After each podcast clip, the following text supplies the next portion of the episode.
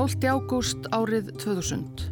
Það var ekki langt liðið af lögardagsvaktinni þegar vísindamenn á norsku jarðvísindastofnuninni Norsar norðaustur af Oslo tóku eftir undarlegum mælingum. Mælitæki lengst norður í landi fyrir utan samabægin Karasjók skamt frá landamærum Noregs og Finnlands höfðu 29 mínútur yfir nýju að norskum tíma numið titring út í Barentshafi um 80 km frá ströndu Kólaskaga í Rúslandi tæpa 200 km norðaustur af Múrmansk. Skjáltin var ekki nema 1,5 að stærð en rúmum tveimur mínútum síðar, 9.31 að norskum tíma, fylgdi annar meira en 200 sinnum öflugri, 4,2 að stærð. Þessar mælingar vöktu aðtikli norðmannana því jarðhræringar eru afar fátíðar á þessum slóðum.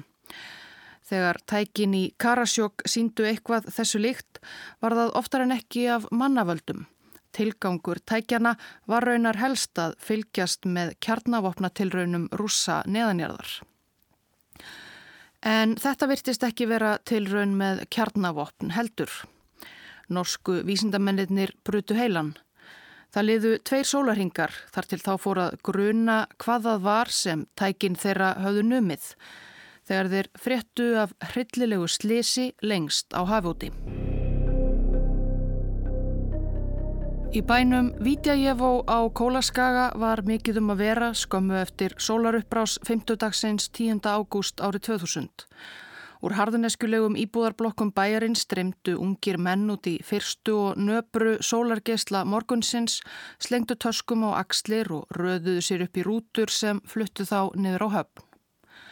Ungumennir voru sjóliðar. Vítjajevó er einn af nokkurum þéttbílistöðum við strendur Kólaskagans sem byggður hefur verið fyrir umsvið og mannskap Íshafs eða norðurflota rúsneska sjóhersins. Í öðrum herbæ á Kólaskaga, Severomorsk, höfuðstöðum Norðurflótans um 100 km frá Vítjægjafó, fór menn líka snemma af stað þennan 50 morgun. Það stóð mikið til, allsherjar heræfing Norðurflótans sem erði umfangsmesta æfing rúsnenska sjóhersins frá falli Sovjetiríkjana í meira en áratug. 30 skip tóku þátt og mörg hundruð sjóliðar. Kalinús. Norðurflottin helt æfingu á hverju sumri en einn ástæða þess hver leðtóar flotans lögðu mikið í æfingu ársins 2000 var að það var nýr maður í brúni. Í mæbyrjun hafði Vladimir nokkur Pútín tekið formlega við ennbætti forsetta Rúslands. Pútín þessi var ungur á mælikvarða rúsnenskra leðtóa, 48 ára og hafði aðeins verið við völd í tæpa 100 daga. Hann var flótafóringunum enn óþægt sterð og þeir vildu gertnan sína honum hvers norðurflótin væri megnugur. Norðurflóti rúsneska sjóhersins máttirindar muna sinn fývil fægri. Hnygnun og fall Sovjetiríkjana og ringulreið síðasta áratugar í Rúslandi hafi leikið Norðurflótan eins og aðrar deildir hersins grátt. Herin hafi verið fjársveltur árum saman og spilling var alvarlegt vandamál rétt eins og víðar í rúsnesku samfélagi. Skip Norðurflótans voru því mörg komin til ára sinna og þeim hafi fæstum verið vel við haldið síðustu árin og sjóliðarnir sjálfur voru á lélegum launum eða við eðli starfsins ef þeir fengu þá borgað yfir leitt. Launin höfðu oft borist seint og illa síðustu árin. En ungu sjóleðarnir sem heldu út í daginn í Vítjægjafó 10. ágúst árið 2000 gáttu þó verið stoltir af því margir hverjir að vinna á einu nýjasta og tæknilegasta flegi flotans. Í Vítjægjafó var heimahöfn kavbáta Norðurflotans. Fjórir kavbátar tóku þátt í sumaræfingunni Allir knúnir kjarnorku, Boris og Glepsk, Daniel Moskovski, Karelia og og báturinn sem lág við bryggju númer 8 í Vítjajefó þennan ágústmorgun, Kursk. Smíði kjartnorku kábátsins Kursk hóst á Kólaskaga árið 1990, ekki löngu áður en Sovjetiríkin fjallu. Þegar báturinn var sjósettur 1995 hafði rúsneski sjóherin erft egnarhaldið. Kursk þótti verkfræðilegt afreg hátindur sovjaskrar kapátatækni. Hann var með stærstu herrkapátum sem smíðaðir hafðu verið, 154 metra langur, talsvert lengri en fóboltavöllur og hæð við sexæða hús. Þykkur tvöfaldur stálskrokkurinn gerði það verkum að Kursk var sagður vera hreinlega ósökkvandi, honum fengi ekkert grandað. Um borð voru hins vegar tundur og flugskeiti hönnuð til að sökva risavöksnum flugmóðuskipum bandaríkjahers. Tveir öflugir kjarnakljúvar sá bátnum fyrir orku. Hann gæð verið alltaf þrjá mánuði undir yfirborði sjávar án þess að koma upp úr kafinu. Það var ekki sem verst fyrir áhöfnina yfir hundrað manns að jafnaði að dvelja svo lengi um borð. Aðstæður í Kursk voru betri en í mörgum öðrum minni kappátum og ímis luxus sem rúsneskir kappátasjómen höfðu ekki áður séð, svo sem líkamsrektar klefi um borð, sána og slökunarherbergi. Mennirnir 118 í áhöfn Kursk voru enda flesti léttir í bræði þegar haldið var um borð upp úr átta þennan 50. morgun. Báturinn gætt verið lengi á sjó en þetta erði bara fimm daga ferð svo stutt að mörgum mannana fannst varla taka því að hveðja eiginkonur, kærustur og börn með mikilli viðþöfn, bara skotúr. Kursk hjælt svo í norður út á Barentsaf þar sem æfingin færi fram næstu daga. Sumrin eru köld þarna lengst í norðri en veðrið var þó með besta móti og sjórin sléttur. Fyrsti dagur æfingarinnar, förstu dagur, gekk ágætlega. Samkvæmt áætlun allavega. Það eruðu ímis óhöpp og það var greinilegt bæði yfirmönnum og óbreyttum sjóliðum að ástand margra herskipanna var ekki gott. Fyrsta tilrauna flugskeitið sem sjálft flagskip Norðurflótans Pétur Mikli skaut af stað hrapaði þannig beint í sjóin eftir örstutta flugferð. Þegar Pétur Mikli og hinn orustu skipin höfðu lokið sér af var svo komið að kábátunum. Kábátunir fjórir áttu hver af öðrum að skjóta sérstökum tilrauna tundurskeitum í áttað Pétri Mikla sem leik hlutverk bandarísks herskips án þess að vekja eftirtækt annara skipa á svæðinum. Tilrauna tundurskeitin voru ekki með sprengihleðslu en í staðin mælitæki og flott búnað sem skilaði þeim svo upp að yfirborðinu. Það var komin lögadagsmorgun 12. ágúst. Einn af öðrum gáfu kapátarnir merki að þeir varu tilbúnir.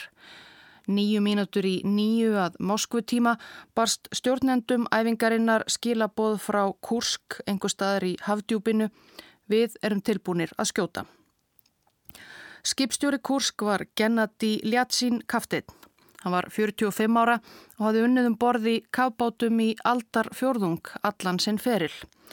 Sem æðsti yfir maður á einum stærsta kjarnorku kafbáti rúsneska sjóhersins með meira en 100 menn á sinni ábyrð var hann með svipuð mánadalaun og sporvagnstjóri í Moskvu.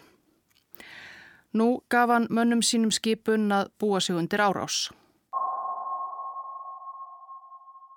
Kursk var skipt í nýju hólf og á milli þeirra voru ramgjörð þykk skilrúm, annað örgisatriði.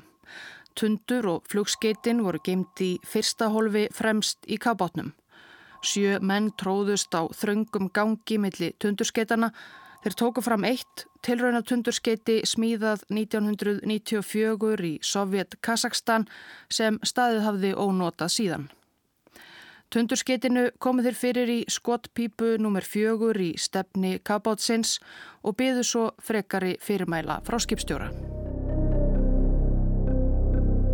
29 mínútur yfir 11 laugardaginn 12. ágúst árið 2000 skók öflug sprenging kjarnorku Kabátin Kursk úti á Barentshafi um 80 km frá ströndu Kólaskaga. Sprenging sem jafnaðist á við jarðskjálta af stærðinni 1,5 sangkvæmt mælitækjum í norður Noregi. Í tundurskeitarými bátsins voru sjóliðarnir sjö á vakt skindilega umlugtir eldhafi. Í næsta hólfi var hjarta kabátsins stjórnklefin. Gennadi Ljatsin skipstjóri stóð líklegast við sjónpípuna og hafði auga með skotmarkinu Pétri Mikla þegar sprengingin skók stjórnklefan. Hvernig hann og aðrir bröðust við, vitum við lítið um. Án Eva hafa menn kastast til og kannski slasast. Í næsta hólfi kabótsins því þriðja var loftskeittaklefin. Yfir loftskeitamöður Kursk, Andrei Rútakov, hafði um árabil rekið mál gegn vinnveitenda sínum sjóhernum vegna vangoldina launa. Hann hafði ekki efni á lögmanni svo hann las sjálfur herrlög á kvöldin og veitti gjarnan áhafnarfélögum lögfræðiráðgjöf. Hann þurfti ekki að íta nema á örfá að takka til að senda neyðarkall frá bátnum en ekkert slíkt barst frá Kursk eftir klukkan 11.29 Svo líklegast hefur Rútakov slasast eða fjarskiptabúnaður bátsins skemst.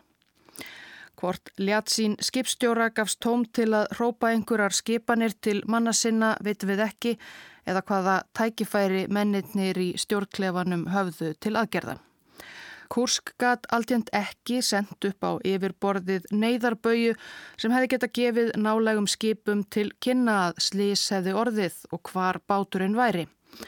Neiðarböyu fítusinn var sífælt til vandræða og hafði því ári áður verið aftengtur alveg. Ekkert neyðarmerki barst því frá Kursk. Báturinn hafði ekki verið langt undir yfirborði sjávar en nú fór hann að sökva neyður í djúpið og í tundurskeita logaði mikið bál.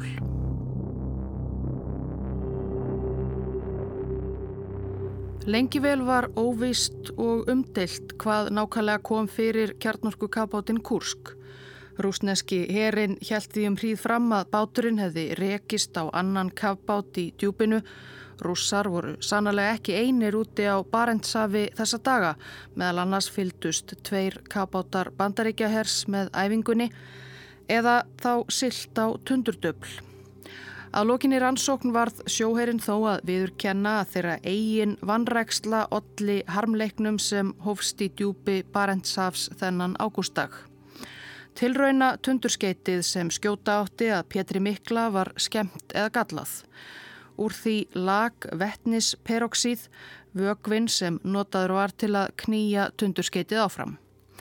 Þegar hann kemst í tæri við ákveðna málma svo sem kopar, verður til gífurleg orka sem leistist úr læðingi í tundurskeita klefa kursk og olli sprengingu og eldsvoða. Hættan var sjóherjum heims ekki ókunn. Vettnisperoxíð knúið tundurskeiti sprakkum borði í breskum kabáti við höfn í Dorset 1955. Báturinn sökk og 13 sjóliðar fórust. Upp úr því hætti breski sjóherin notkun vettnisperoxíðs í tundurskeitum. Herir fleiri landa gerðu sliktið sama. En rúsneski sjóherin notaðist enn við þetta viðkvæma og hættulega efni.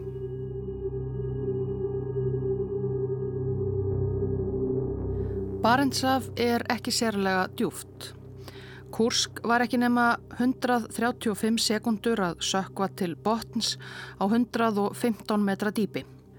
31 mínútu og 40 sekundur yfir 11 skall 23.000 tonna kabáturinn á hafsbótnin. Á sama tíma sprungu öll hinn 23 tundurskeitin sem geimt voru um borð. Það var setni sprengingin sem norsku mælitækin námu, svo sem var 200 sinnum upplögri en svo fyrri á við jarðskjálta af stærðinni 4,2. Stort gat tættist á skrokk bátsins við tundurskeitaklefan og norður Ísafið flætti inn. Stál skilrúmin milli holfa ropnuðu hvert af öðru undan vassflumnum. Á sekundubrótum ruttist sjórin í gegnum stjórnklefan, loftskeitaklefan og inn í fjörða og stærsta holfið, messan og vistarverur áhafnar og reyfi sig allt sem fyrir varð tækjabúnað jamt sem sjóliða.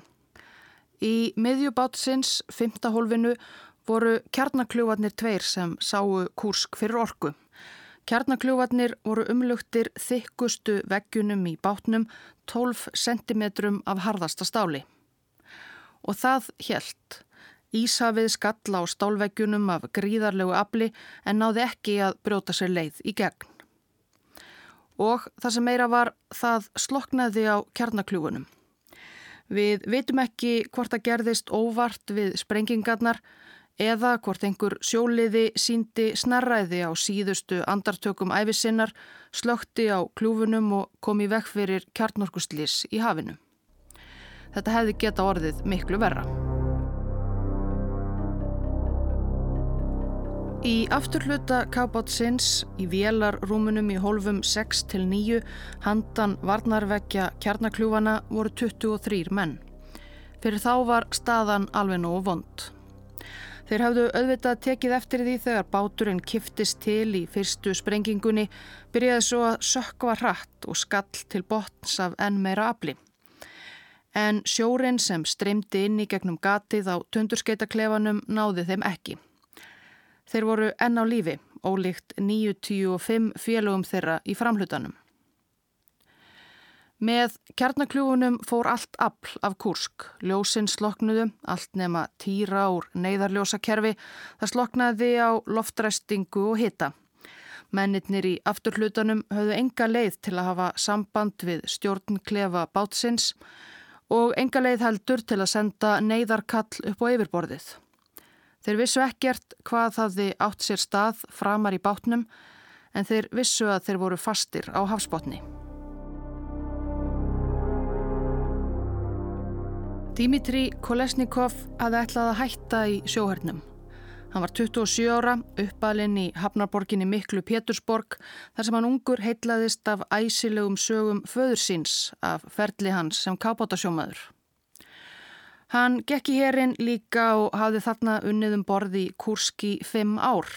Hann var komin með stöðu höfuðsmanns. Hann stakk eilitið í stúfum borð, stór og mikill að vexti og rauðherður en hann var vinsæl meðal félaga sinna, léttlindur en áreiðanlegur þegar á reyndi. Eftir fimm ár hafði hann ætlað að hætta, en svo hafði hann kynst Olgu. Hún var lífræðikennari í mentaskóla í Pétursborg og í mars árið 2000 giftuðu sig.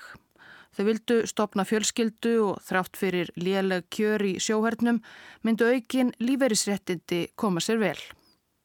Svo Kolesnikov höfðsmaður ákvað að vera áfram og í heræfingunni á Barentsafi hafði hann umsjón með turbínunum í sjönda og áttunda hólfi kjarnorkukabátsins Kursk. 12. áttunda 2000, 1334. Listi yfir menn úr sjötta, sjönda, áttunda og níunda hólfi sem eru í því níunda eftir rýmingu. Það voru tveir tímar liðnir frá því að Kursk sökk og misti allt afl. Eftirlifandi sjóliðar höfðu sapnað saman í nýjunda og aftasta hólfi bátsins og Dimitri Kolesnikov höfðusmaður hafi tekið stjórnina. Hann reif síðu úr stílabók og tók mantal, skrifaði niður nöfn allara eftirlifandi sjóliða með bláum blekpenna. Við erum 23 hérna. Okkur líður ítla. Við erum veikburða vegna koltvísýringsins. Aðal björgunabúnaðurinn á Kursk flóttahylki var í framhluta bátsins. Þangað komist mennirnir ekki. En það var líka flótta lúa aftast í nýjundahólfi. En úr henni erðu þeir að synda hundrað og eitthvað metrana upp á yfirborðið og svo bjerga sér einhvern veginn úti í köldu Barentsafinu. Við höfum ákveðið að vera hér því við getum ekki komist burt. Þrýstingurinn er að aukast. Ef við förum upp á yfirborðið höfum við það ekki af. Þetta hafði bara verið æfing. Allur norðurflotin vissi um það byl hvar þeir væru niðurkomnir og hvenar væri von á þeim upp úr kafinu. Þeir voru ekki á miklu dýpi og ekki svo langt að heiman. Barentshafið var einmitt krökt af rúsnenskum herskipum núna. Það hlaut einhver að vera á leiðinni að bjarga þeim. Uppi á yfirborðinu höfðu stjórnendur heræfingar Norðurflottan sem borði flagskipinu Pétri Mikla beðið eftir tilrunaskoti frá Kursk. En ekkert kom, nýheldur neinar skýringar frá kábátnum. Það var svo sem ekki ofinnulegt. Kábátar fara um með leind og eru jafnan ekki í miklum fjarskiptum. Og þegar leið og beigð og ekkert spurðist til Kursk hugsuðu herfóringarnir að eitthvað hliti að vera að fjarskiptabúnaði bátsins. Það verið ekki fyrsta bilunin á þessari æfingu. Það var ekki fyrir en klukkan 6 síðdegis sem blásið var í viðvörunarbjöllur og frekari æfingum aflýst. Ekkert hafði þá spurst til kurski meira en 6 klukkustundir. Herflugvel leitaði yfir æfingasvæðinu að einhverjum ummerkjum um bátinn án árangurs. Sjóliðar á Pétri Mikla pyrðu augun og skimuðu yfir haflæmið.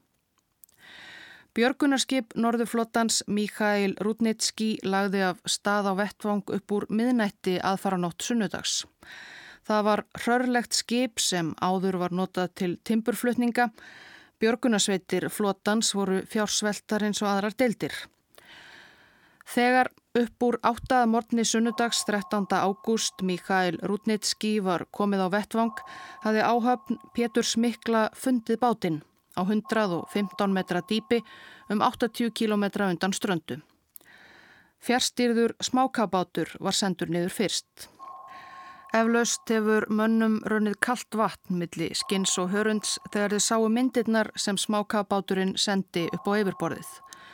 Fremsti hluti Kursk var í rúst, eitt gapandi sár af stáli, en aftur hluti kabátsins virtist vera heill, meðal annars flóttalúan á nýjundahólfi. Það var því enn von til þess að einhverjir væru á lífi um borð. Sunnudags morgunin byrjaði að spyrjast út í Vítjajevó, Severomorsk og öðrum herbæjum og kólaskaga að eitthvað hefði komið fyrir einn kabótana. Það fór ekki á milli mála þegar liðsmenn Björgunasveitar flotans voru kallaðir út með skömmum fyrirvara. Símalínur í símstöðinni í Vítjajevó glóðum Eginkonur og kærustur áhafnarliða á Kursk ringdust á og reyndu að komast að því hvað væri að ske. Það gatt varla nokkuð hafa komið fyrir Kursk, bátinn sem var ósökkvandi og ósigrandi. Fyrsta fréttin kom upp úr 11 á mánudegi. Von Bráðar voru rúsneskir fjölmiðlar uppfullir af fréttum af því að kjarnorku kapáturinn Kursk lægi á botni Barentshafs.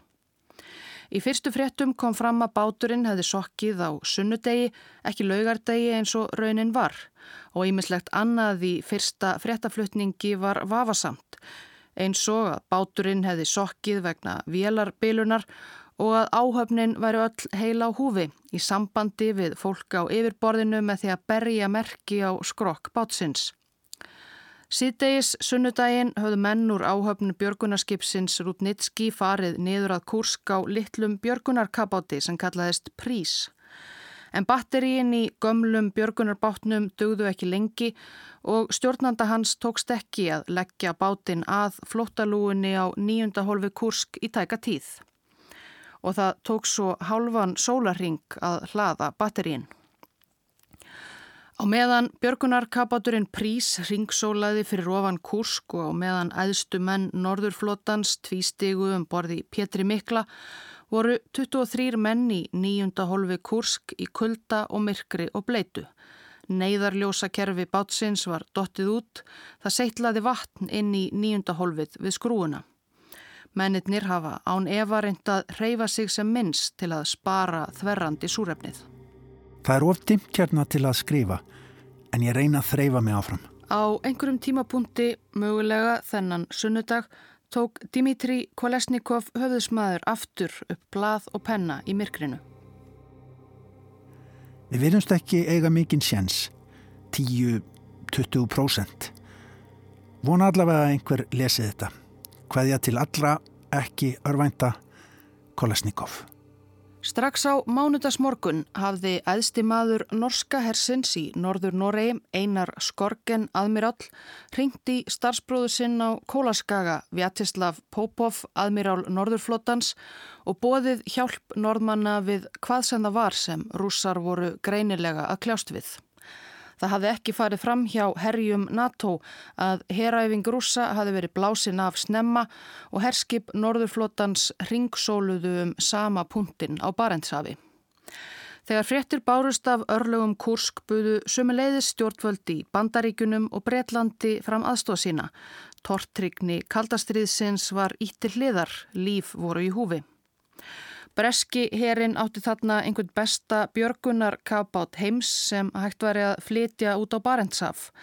Hann og áhöfn hans voru strax sett í viðbræðstöðu aðeins örfá mínútum eftir að breytar fréttu fyrst af Kursk. Og fálönd byggu yfir jafn mikilli reynslu og sérhæfðum búnaði til flókina aðgerða á miklu dýpi og grannlandið Noregur. 115 metrar þótti atvinnu köfurum í norska oljubransanum ekki vera neitt neitt. En rúsar neituðu öllum þessum tilbóðum um aðstóð. Á sama tíma úti á hafi gekk ekki neitt. Ítrekkaðar tilraunir með björgunarkabátinn Prís skiluðu engu og á þriðju dag gerði Ítliviðri á Barentshafi sem gamla timburskipið sem átti að heita aðal björgunarskip rúsnenska norðurflótans reði ekki við.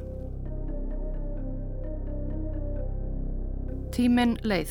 Í Vídjæjavó söpnuðust eiginkonur, kærustur og mæður kurskliða saman í offiséraklubnum og kröfuðu sjóherin um upplýsingar. Hvað var verið að gera til að bjarga mönnunum þeirra? Þær voru orðnar örvæntingarfullar og bálreiðar. Talsmenn sjóhersins komu af og til fram og sögðu eitthvað um að áhöfnin væri heila á húfi og unnið væri að björgun. Lítið heyrðist í borgarlegri stjórn Rúslands. Nýji fórsetin Vladimir Putin hafði þótt upplugur í hernaði rúsa í Tjetjeníu en nú var komið annað hljóð í strokkin. Putin var raunar bara í sumarfríi í Sochi við Svartahaf. Þegar fórsetin kom loks fram í viðtali frá Sochi miðugudaginn 16. ágúst var hann solbrútn og sællegur í stuttarmaskirtu og virtist ekki hafa svo þungar áhyggjur af örlögum landa sinna 118 á botni Barentshafs. Í sjálfstæðum rúsnenskum fjölmiðlum byrtust greinar og frettir sem gaggrindu þessi seinu og klúðurslegu viðbröð stjórnvalda af ákjefð. Af hverju var hjálp frá Lundunum og Oslo hafnað? Eftir fall Sovjetiríkjana nutu rúsnenskir fjölmiðlar nýfengins frjálsræðis og notuðu það til eins ítrasta. Þegar Putin gaf sér loks stund í sumarfríinu 16. ágúst voru fjórir dagar sedan Kursk sökk. Ef einhverjir voru á lífi í bátnum erðu þeir það ekki marga daga til viðbótar. Súrefniðum borð myndi ekki endast þeim lengi. Vjatislav Popov, admirall, aðsti maður rúsnenska norðurflótans, tók loks upp síman á skrifstofu sinni í Severomorsk. Hann var með beina símalínu til kollega síns Einars Skorgens í böngar norska hersins í Búta. Línan hafi verið sett upp í einhverju viðleitni til að minka spennu kaldastriðsárana en aðmýrálatnir höfðu aldrei notað hana. Það voru tveir sólarhingar síðan norska ríkið hafi bóðið fram aðstóð sína. Popov kingdi loks stoltinu og samþykti. Rússar þyrtu á hjálp að halda.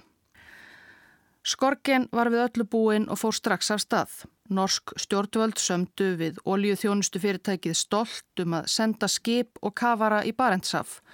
Þjónustu skipi Stolt, Seaway Eagle, var stemt til Tromsu og þaðan í Barentsaf. Rússar höfðu þarna líka ákveðið að taka bóði breyta um aðstóð. Brettar voru fyrirhyggjusamir og breski björgunar kábáturinn LR5 var þá þegar á leið með herflugvél til Þránteims hvaðan hann var fluttur um borð í annað oljuþjónustu skip Normand Pioneer á leið í Barentsaf. Það var engan tíma að missa, það gáttu enn verið menn á lífi á hafsbótni. Heimspressan fyldist grant með björgunar aðgerðunum í Barentsafi. Hvergi var þó fylst eins grant með og á offiseraklúpnum í Vídjæjevó heimahöfn Kursk. En ástvinir Kurskliða vissu ekki mikið meira en aðrir. Það gengu alls konar sögur um bæin. Hver lengi gætu mennirnir tóraði vélarvana kábátt? Viku eða var það tvær? Pútín slekti enn sólina við Svartahaf. En síðdeis, förstu daginn 18. ágúst kom varaforsætisa á þeirra Rúslands Ilja Klebanov til fundar við ættingja kurskliða í klúpnum. Honum mætti fullur salur af bálreiðu fólki sem bölvaði og rópaði og grétt. Hvað ert að gera hér? Akkur ert ekki úti á sjó að bjarga drengjunum okkar, rópaði einn konan. Tengdamóðir sjóliða, greip í bindi varaforsætisráður hans þegar hann var á leið í pontu tókaði hann til sín og formælti honum. Svo stóð Nadjesta Tílik upp. Eginmaður hennar hafi verið á kapátunum og sonur þeirra, Sergei, var 24 ára og hann mannaði hljóðsjána í stjórnklefa Kursk. Móður hans var heitt í hamsi. Af hverju var ég að ala upp svonminn til hvers, rópaði Nadjesta. Ráþerran og aðrir fundargestir sátu þegjandi undir hrópum hennar. Maðurinn minn gengdi herþjónustu í 25 ár til hvers, svo ég geti grafið svonminn. Ég fyrirgef þér aldrei, rýfðu af þér metalíunar, gerðu það núna helvítið þitt. Nadjastu var svo heitt í hamsi að hún tók ekki eftir því þegar kona nálgæðist hana aftan frá með spröytu á lofti. Um leið og maður í herbúningi helt í hana stakk konan spröytunni í læri Nadjastu, róandi lif. Nadjasta hætti að rópa, lippaðist niður og var borin út. Það var klift á útsendingu rúsneska sjónvarsins úr officerklubnum í Vídjajevo þegar Nadjesta fór að rópa.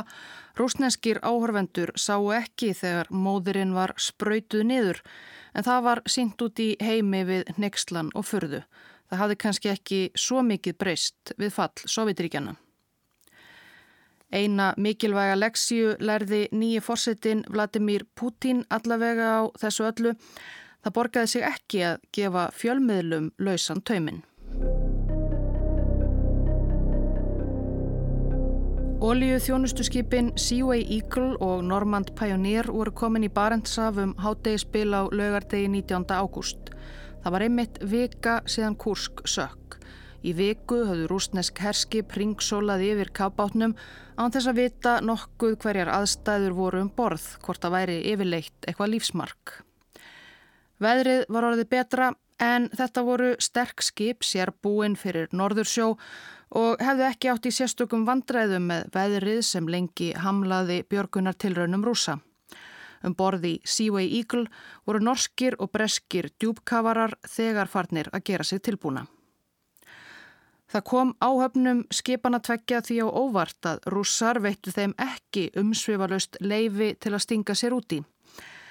Það virtust enn vera evasendir innan flotans um að hleypa vestrænum köfurum niður að Kursk, einu dýrmætasta og leinilegasta flegi rúsnenska flotans. Þótt týjir lífa væru kannski í húfi.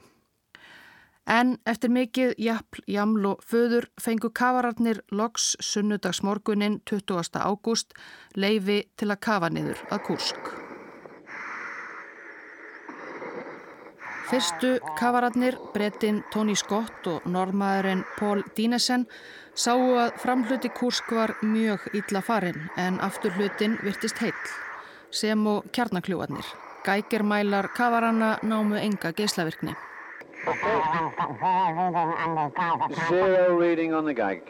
Scott var með hamar og barði á skrokk kabátsins rétt við flóttalúuna úr nýjundahólfi. Neiðarmerki sem rúsneskir sjóleðar áttu að þekkja fjögur högg fjórum sinnum. Yeah, taps, times, yeah. Hann barði fast svo málingarflögur losnuðu af skroknum við hvert högg. Það var ómögulegt annað en að þau ómöðu um bátinn. Svo hallaði skott kavara hjálminum upp að skroknum og hlustaði eftir svari. Höggum eða titringi innan úr bátnum. Yeah, Don't tap anymore now. Just listen, yeah? En Scott heyrði einungis í eigin andardrætti. Að öðru leiti var þögn á botni Barentsafs. No response, eh? Nothing? Það var erfitt að viðurkenna. Norðmennir og breytatnir voru komni langt að í þeirri vonum að geta bjargað einhverjum um borði í Kursk. En það var orðið nokkuð ljóst að svo færi ekki. Það benti allt til þess að enginn væri lengur á lífi um borð. Ákveði var að opna mætti flóttalúuna á nýjunda holfi þar sem báturinn væri nú þegar vafalaust fullur af vatni. Okay, boys, um, Skott opnaði lúuna að hluta með því að snúa flögnuðum og riðguðum loka með skrúleikli. Hann opnaði þó ekki alveg, fjárstýrður smákafbátur sá um það um klukkan halv 11 mánudaginn 21. ágúst, nýju dögum eftir slísið um borð. Norðmennir og bretarnir fóru ekki sjálfur inn í bátinn. Flottalúan var of þraung fyrir kavara með allan búnað og þeir hafðu svo sem verið sendir að bjarga mönnum á lífi, ekki fiska lík upp úr hafinu. Engu að síður vildu þeir sjá hvað leindist ofan í nýjundahólfinu. Setna á mánudeginum letu þeir því myndavél á langri stöng síga niður flottalúuna. Áhöfn Seaway Eagle fyldist með fyrir ofan.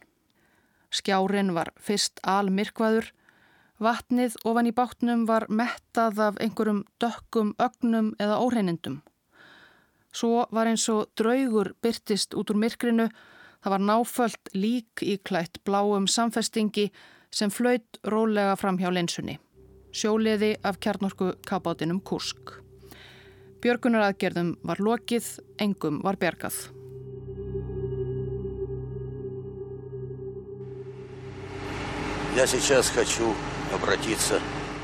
Degi síðar að kvöldi þriðudags 22.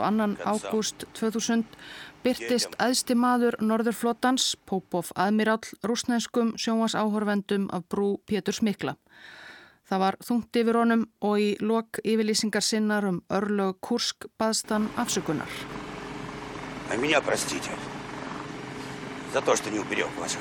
Mér þykir fyrir því að hafa ekki bjargað drengjunum ykkar, saði aðmirallin, greinilega gráti nær, tók af sér bátahúuna og gekk út úr ramanum.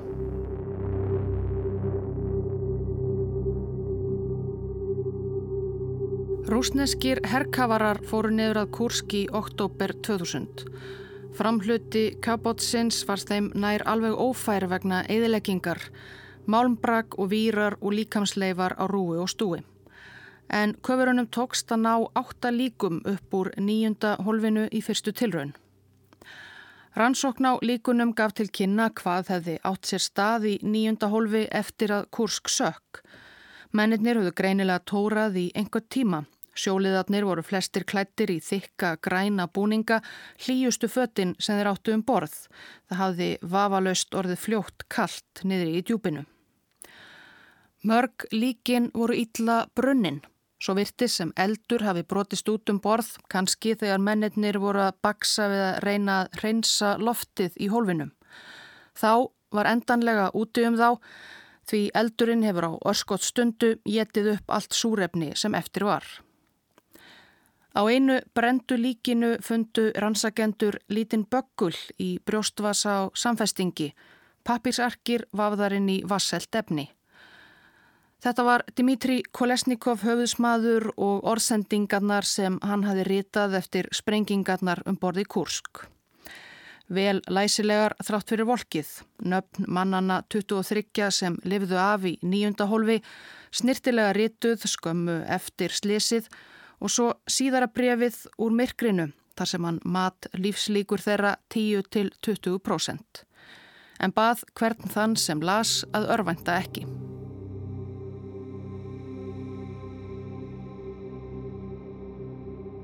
Á leggstein Dimitri Kolesnikovs höfðusmanns í Pétursborg er einungis ritaður í stað dánardægurs ágúst 2000 því engin veit enn hversu lengi mennirnir í nýjundahólfi livðu eftir slissið að leinir í djúpinu. Skísla rannsóknarnemdar rúsneska flotansum kurskslissið er leinileg en í ofinberum útrætti var ekki skafið af því talað um úreltan og lélegan búnað sem illa var viðhaldið, vanrækslu, vanhæfni og óstjórn innan flotans. Vladimir Putin fórseti en sælegur eftir dvölina við Svartahaf kendi reyndar spiltum auðmönnum um allt saman þegar hann loks treysti sér til að hitta ekkjur kurskmanna síðla í ágúst 2000. Mennirnir 118 í áhöfn Kursk voru allir semtir orðum að þeim látnum Meira en 70 börn urðu föðurlaus þegar kábáturinn sökk en ekkjur áhafnaliða fengu loks greittar einhverjar skadabætur. Þeirra á meðal var Olga sem hafi gifst Dimitri Kolesnikov höfðusmanni fjórum mánuðum áður en hann lagði af stað í sína hinstu ferð. Í brjóstvasa Dimitris fannst að honum látnum þriðja orðsendingin sem hann hafði hripað til Olgu sinnar í myrkrinu. Olga, ég elska þig. Ekki hafa of miklar áökjur. skilaðu kveðju til tengdamömmu og fólksins míns, þinn Dimitri.